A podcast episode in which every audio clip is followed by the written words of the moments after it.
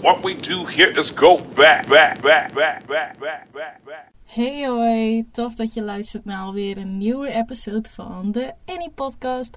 De podcast met elk onderwerp, op elk moment en op elke locatie. Jij zult misschien een beetje verrast zijn dat een week later alweer een podcast is gekomen. Dit is namelijk omdat ik dit niet echt een podcast noem. Dit is mijn tweede starformule voor mijn onderzoek wat ik deze periode heb moeten doen voor school. En ik heb al verteld in mijn allereerste starformule dat er waarschijnlijk meer starformules aankomen. En dit is de tweede. En deze heeft betrekking dus op mijn onderzoek voor wat ik deze periode heb gedaan. Dat zijn drie soorten onderzoeken. Eentje is over sponsoring van Spotify, hoe dat werkt. Zeer interessant trouwens. De tweede gaat over Google AdWords. En de derde gaat over hoe ik dingen, onderwerpen opzoek voor mijn podcast. Deze podcast is eigenlijk meer gericht op mijn docenten die mij moeten beoordelen. Dus is dit niet voor jou? Heb je hier geen interesse in? No worries. Ik plaats binnenkort weer een nieuwe episode die echt volledig Any podcast is en eigenlijk niet echt een betrekking heeft op school. Dus ik raad je dan aan, heb je hier geen zin in, ga dan ook zeker niet verder luisteren en luister gewoon een andere episode. Ben je wel geïnteresseerd in en wil je meer weten? Ik heb ook een onderzoeksverantwoording gefilmd waarin ik precies uitleg wat ik heb gedaan, waar ik ook resultaten laat zien, hoe ik het heb gedaan enzovoort. En ik zou het linkje zal ik in de beschrijving van de podcast zetten. Dus als je daar interesse in hebt, check it out, weet je. Misschien heb je er wel wat aan. Zoals ik dus zei, het is een STAR-formule. En de STAR-formule staat voor situatie, taak, activiteiten, resultaten en reflectie. Nou, dan wilde ik beginnen met de situatie voor sponsoring via podcast. Dat was mijn officiële plan voor desk research, want wij moeten desk research dus doen en dat was dus mijn plan.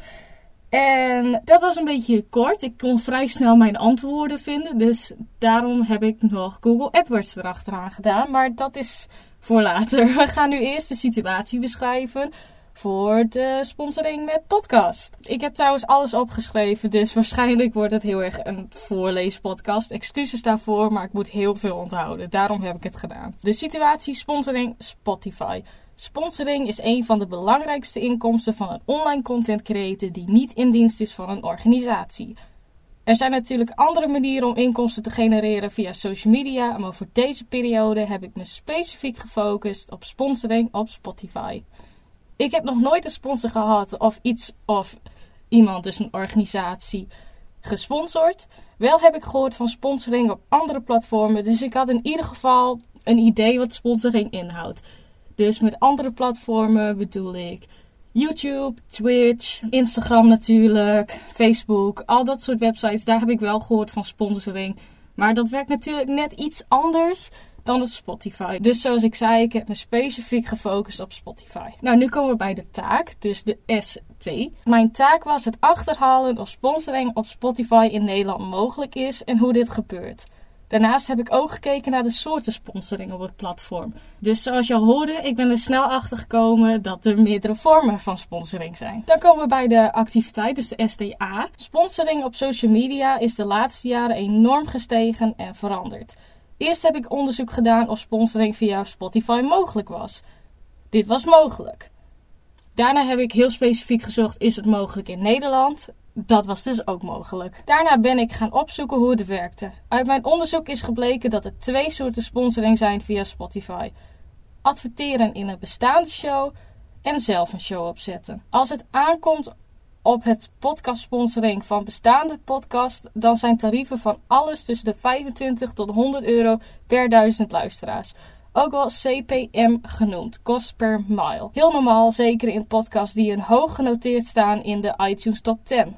En dit is vanuit Dag en Nacht Media. Daar heb ik mijn meeste informatie uit gevonden, want dit is een bedrijf dat zich heel erg bezighoudt met podcasting Nederland. Je kan wel bijna zeggen het bedrijf van podcasting Nederland. Als je dus gaat adverteren in een bestaande show, dan spreek jij af met de podcast-host van ik plaats een advertentie. Dit is de advertentie. En daaruit kun je bepalen van gaat de host het aankondigen. Dus midden in de episode kunnen zij zeggen van Nou, we weten dat je heel veel van gamen houdt, daarom heeft NoordVPN dit gesponsord. En dan gaan ze natuurlijk jouw boodschap voorlezen. Of ga jij bepalen dat jij zelf een audio instuurt die zij voor de episode afspelen, wat je ook wel eens met YouTube advertenties hebt.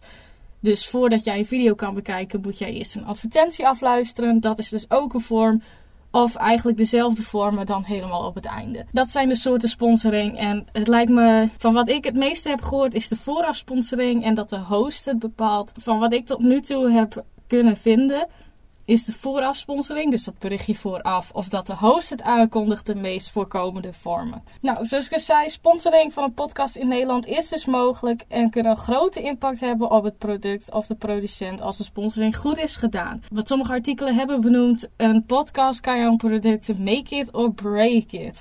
Als jij een hele bekende host hebt en die gaat je product echt de hemel in prezen, it's a make it. Maar vindt hij het zo slecht dan is het een break-it. Dus je hebt niet echt helemaal grip op sponsoring. Dat is nog wel eens een nadeel. Maar meestal, meestal hou je daar wel rekening mee als je betaald krijgt, lijkt mij. Er zijn speciale bedrijven zoals Dag en Nacht Media die zich specialiseren in sponsoring van podcasts. Ze helpen adverteerders met het vinden van de juiste podcast om te sponsoren en bij het opzetten van de vorm en het bericht van de sponsoring. Dan gaan we nu over op de resultaten, STAR. Vanuit de gegevens die zijn vrijgegeven over podcastsponsoring en na het vergelijken van de luistercijfers van podcasts met sponsoring ben ik erachter gekomen dat ik op dit moment nog niet groot genoeg ben om een sponsor te krijgen volgens de traditionele manier.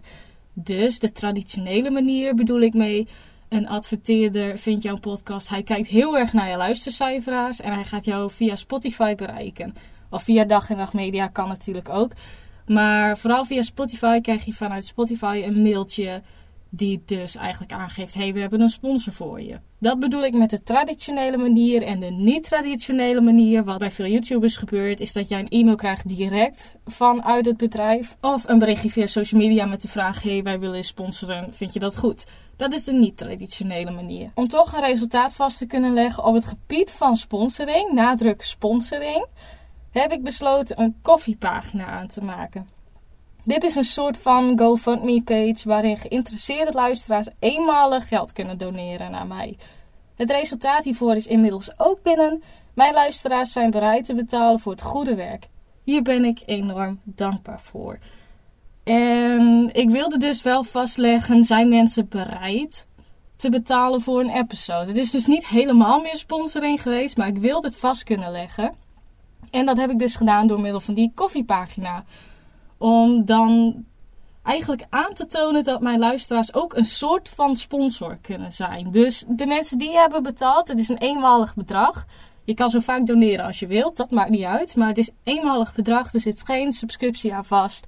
Je kan een berichtje sturen, je kan wat eisen. Je kan eigenlijk alles doen voor dat eenmalig bedrag. En dat bedrag is 3 euro.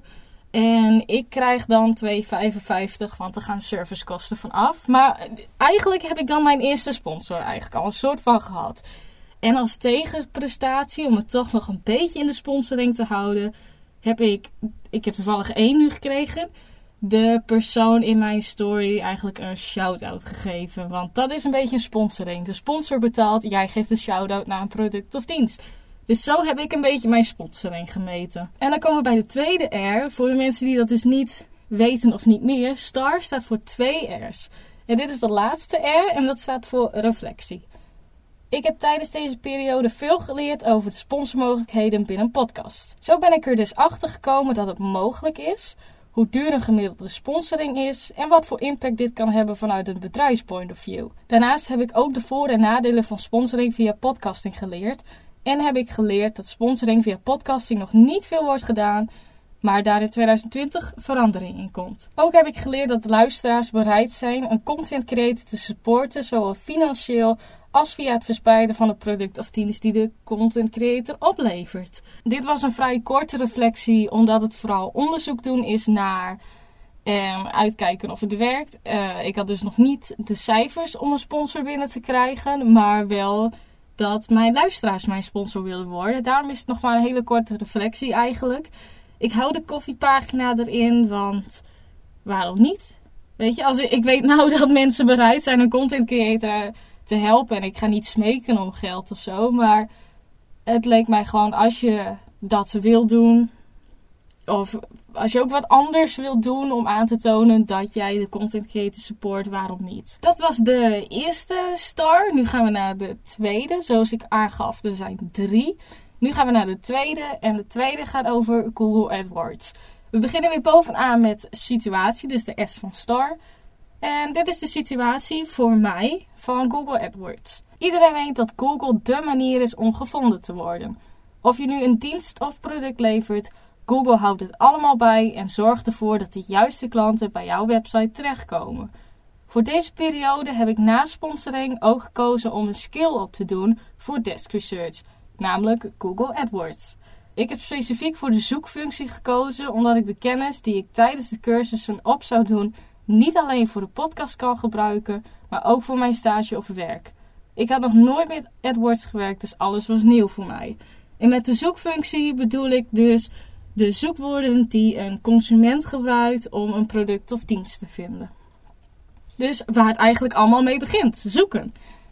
En waar Google eigenlijk ook voor staat. Nou, nu zijn we bij de T, de ST en de T staat voor taak. En mijn taak was heel simpel: de skills behalen voor Google AdWords en mijn certificaat behalen. Dan gaan we naar de A, de STA, dus van A van activiteit. En dat is om aan te tonen wat ik heb gedaan. Om een certificaat voor AdWords te behalen moet je een aantal toetsen halen waarbij je passende theorie krijgt. De theorie behandelt alles wat je moet weten over de zoekmogelijkheden van je advertentiecampagne.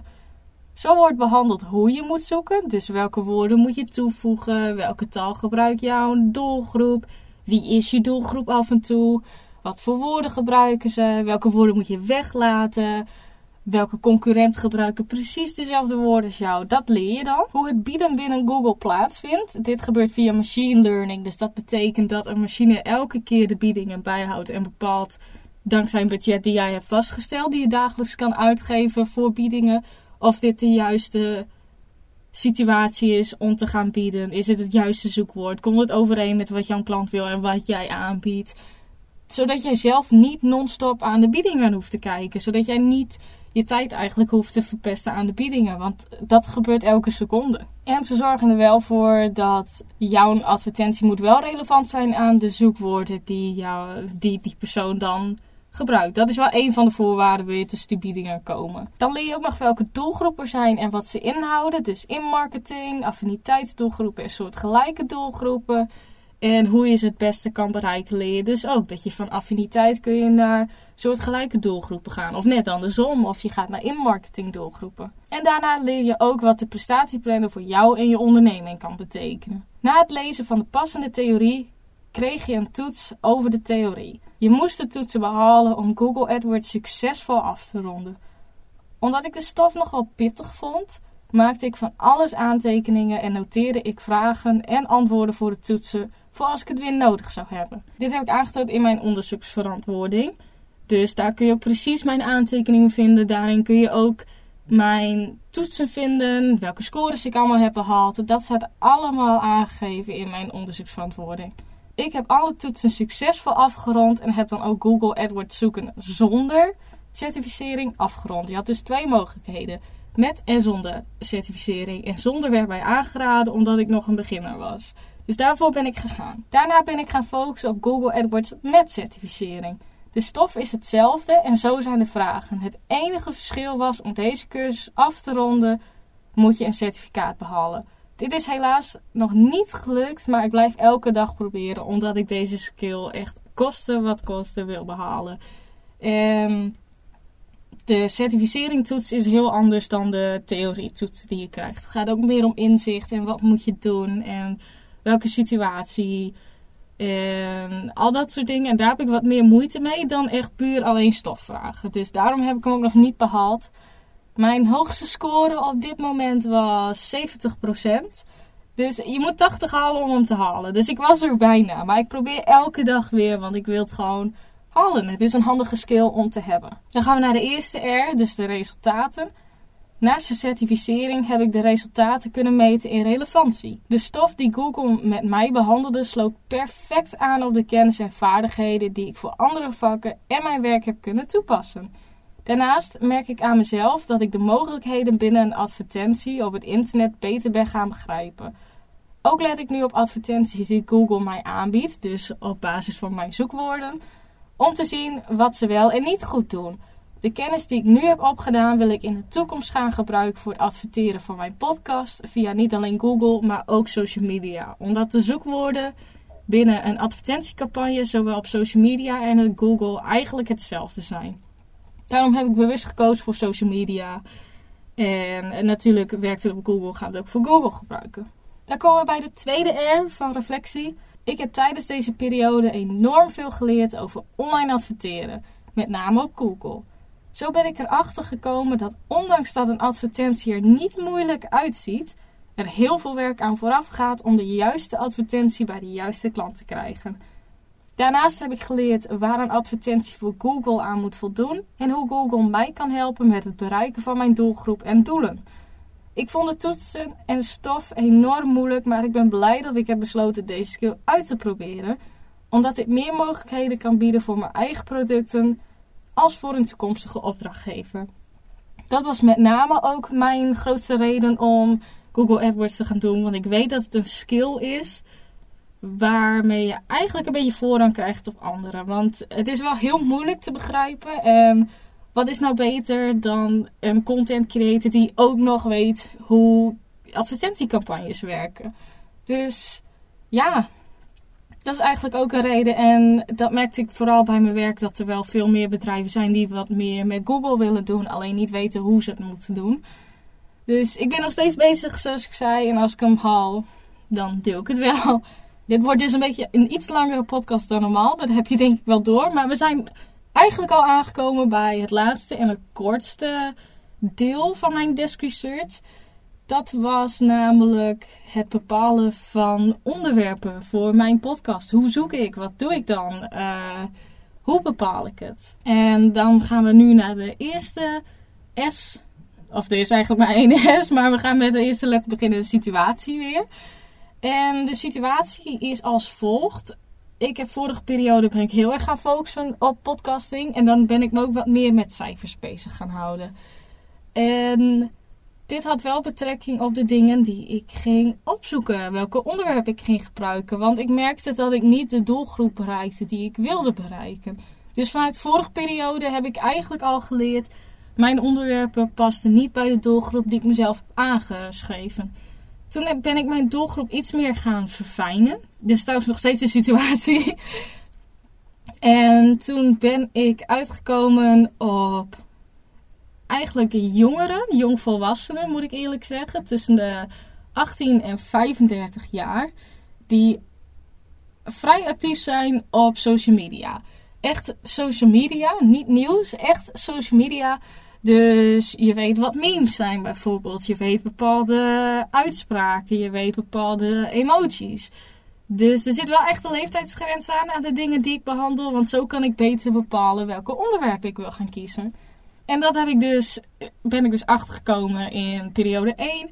En in periode 2 ben ik daar wat meer op ingegaan. En ben ik ook specifiek dingen gaan behandelen die in deze doelgroep passen. Dat is dus mijn situatie. Mijn taak was heel simpel: onderwerpen vinden voor een volgende aflevering. En de activiteit. Dus, dus STA, activiteit. Ik denk dat je het nou wel een beetje door hebt. En uh, ja, de activiteit. Eigenlijk als activiteit, omdat ik nou wist wat mijn doelgroep was, kon ik wat bewuster zoeken. Ik heb voornamelijk vooral veel YouTube gebruikt, veel Facebook en veel Instagram. Niet omdat dit betrouwbare bronnen zijn qua informatie, maar omdat deze wel heel veel dingen behandelen. Zoals YouTube gaat vooral over drama af en toe.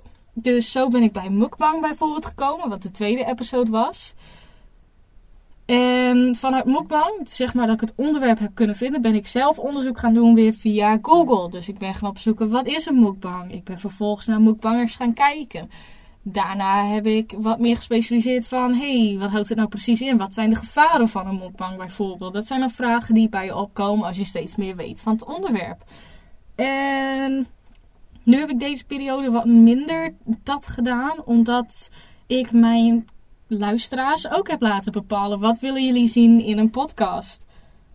En wat voor onderwerpen willen jullie hebben? En de onderwerpen die ik deze periode heb behandeld waren Dutch Comic Con. Dit was meer field research. Daarna de wereldberoemde Q&A, waar ik dus eigenlijk ook geen onderzoek voor hoefde te doen.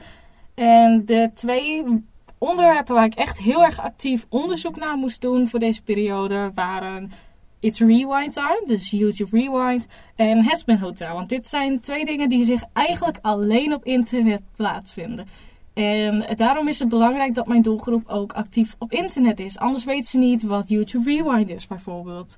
Ik heb het wel uitgelegd, maar het is eigenlijk de bedoeling dat je het al weet. Als wij dan even Rewind als voorbeeld nemen, wat ik heb gedaan.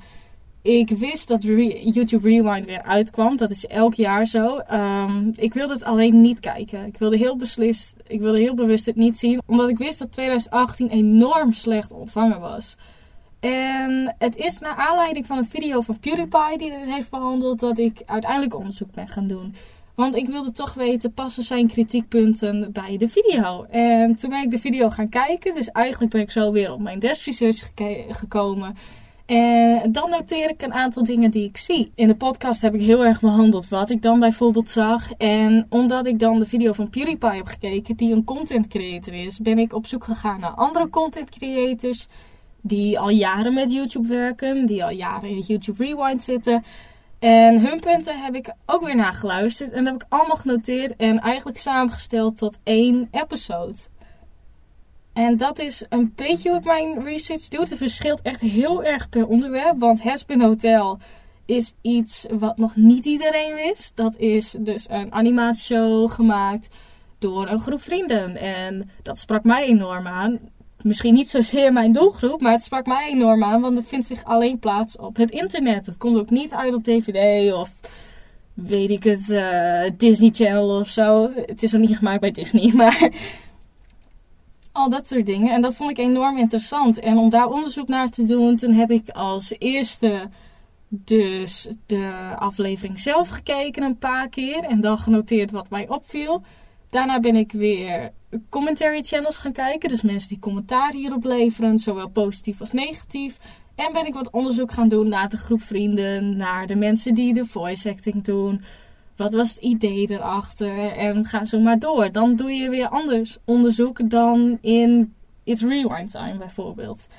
Dus het is een beetje moeilijk uit te leggen hoe ik het doe. Ik gebruik specifiek deze twee onderwerpen omdat dit ook deze periode is uitgekomen. Zoals ik zei, dit Comic Con was meer field research omdat ik er zelf ervaring mee heb. Tuurlijk heb ik wel dingen moeten opzoeken, maar niet tijdens deze periode. Ik hoefde bijvoorbeeld niet op te zoeken wat cosplay was, want dat deed ik al een poosje en ik wist het al dankzij social media. Dat wist ik dus al een aantal jaar geleden. En wat er allemaal te doen is, ja, dat weet je alleen als je erheen gaat. Dus daar hoefde ik niet qua onderzoek via het internet niet echt heel veel voor te doen. Ik hoop dat dat een beetje de activiteit een beetje goed heeft beschreven. Want ik vind het heel moeilijk om hier een star over te maken. De resultaten. Ja, de resultaten kan ik eigenlijk alleen meten aan de aantal kliks en views dat ik krijg. En ik kan dat echt pas goed bepalen na een week of twee nadat een episode erop staat. Zo weet ik bijvoorbeeld wel dat It's Rewind Time beter is beluisterd, vaker is aangeklikt dan Dutch Comic Con. Dit kan betrekking hebben tot de titel natuurlijk, want ik heb nu weer een Engelse titel gebruikt. Dit kan betrekking hebben tot het onderwerp. Um, ik weet wel dat mensen langer luisteren bij Dutch Comic Con en bij Rewind Time sneller afhaken, maar zoals ik zei, dat kan betrekking hebben met de titel. Als Spotify mijn podcast aanbiedt aan Engelse luisteraars, kan dat heel erg betrekking hebben op de titel dus. Ook kan ik merken dat ik meer luisteraars heb gekregen uit de statistieken. Want ik kan bijvoorbeeld zien dat Hesbin Hotel al in één of twee dagen meer start, dus 0 seconden, dat iemand er gewoon op klikt, eigenlijk dus gewoon een klik, heeft bereikt dan al mijn andere onderwerpen in de vorige periode. Dit kan natuurlijk zijn door de onderwerpen, maar het kan ook zijn dat het gewoon wat bekender is geworden, de podcast. En dat is een beetje hoe ik de resultaten kan meten. Ook vraag ik regelmatig wat vond je van de episode via mijn Instagram, dus at underscore anypodcast. Daarin vraag ik regelmatig, was dit een goed onderwerp? Wat vonden jullie ervan? Kan het beter? Meestal krijg ik ook wel DM's van vrienden die hun mening gewoon geven en zeggen of het goed of fout was. En daar ben ik ook heel dankbaar voor. Dus blijf het vooral doen, want zo kan ik kijken en bepalen wat moet ik beter doen. Nou, de reflectie. Ik kan niet zeggen dat ik veel meer heb geleerd over het zoeken van onderwerpen. Wel heb ik wat meer over mijn doelgroep geleerd. En weet ik nou ongeveer iets beter wat de interesses zijn. Waar hebben mensen meer interesse naar? Ook weet ik dat gelukkig mijn luisteraars nu meer Nederlanders dan Engelsen zijn. Of Amerikanen moet ik officieel zeggen. Want dat kwam vooral door de mukbang. De mukbang-episode is heel veel in Amerika geluisterd. En dan haken mensen heel snel af, omdat ze natuurlijk niet Nederlands kunnen verstaan. Of als het niet Nederlanders zijn, in ieder geval. Daarnaast heb ik ook mijn doelgroep kunnen bereiken, waar ik enorm blij mee ben. Ja, mijn reflectie. Ik vind het zelf veel beter gaan dan vorige periode. Omdat ik nu wat meer bezig ben geweest met de inhoud van de podcast. Want dat is natuurlijk desk research. Veel meer met je inhoud bezig zijn. En veel meer onderzoek gaan doen. En daar ben ik nou wat meer mee bezig geweest dan focussen op statistieken en oh, de podcast moet perfect zijn. Daar ben ik wat minder op gaan focussen. En ik merk ook dat de podcast af en toe niet meer mijn ding was. Niet in de zin dat ik er geen zin in had of dat ik het niet meer leuk vond, maar dat ik merkte dat ik te perfectionistisch wil zijn. Dat ik eigenlijk een host wilde zijn die ik helemaal niet was. En ik merk gewoon dat die episodes het gewoon veel slechter doen. Omdat mensen doorhebben dat ik niet lekker in mijn vel zit. Dus voor 2020 heb ik ook besloten wat meer onderwerpen te kiezen waar ik zelf ook veel interesse in heb. Wat nog wel in mijn doelgroep past. Maar waar ik zelf wat meer interesse in heb. Omdat ik dan merk hoe enthousiaster je bent, hoe meer luisteraars je krijgt. Dus dat is een beetje mijn reflectie voor mezelf. Gewoon bij jezelf blijven. Note to myself. En dit was een veel langere podcast dan gepland. Maar zoals ik dus zei, dit is niet echt een episode voor mijn luisteraars, maar meer voor de docenten. En als je het wel hebt geluisterd, tof. Nu weet je hoe ik mijn desk research heb gedaan, hoe ik er tegenaan kijk. En misschien heb je hier wel wat aan, misschien niet. Ik hoop dat dit voor mijn leraren duidelijk was. Dat dit een goede starreflectie was. Ik heb mijn best gedaan om alles zoveel mogelijk te behandelen. Ik heb ook al vrij veel behandeld in mijn onderzoeksverantwoording. Dus ik hoop dat jullie beide gaan kijken en luisteren. Ik zou zeggen, bedankt voor het luisteren. En volgende keer is er weer een gewone Annie Podcast episode. Dankjewel en tot volgende keer. Doei!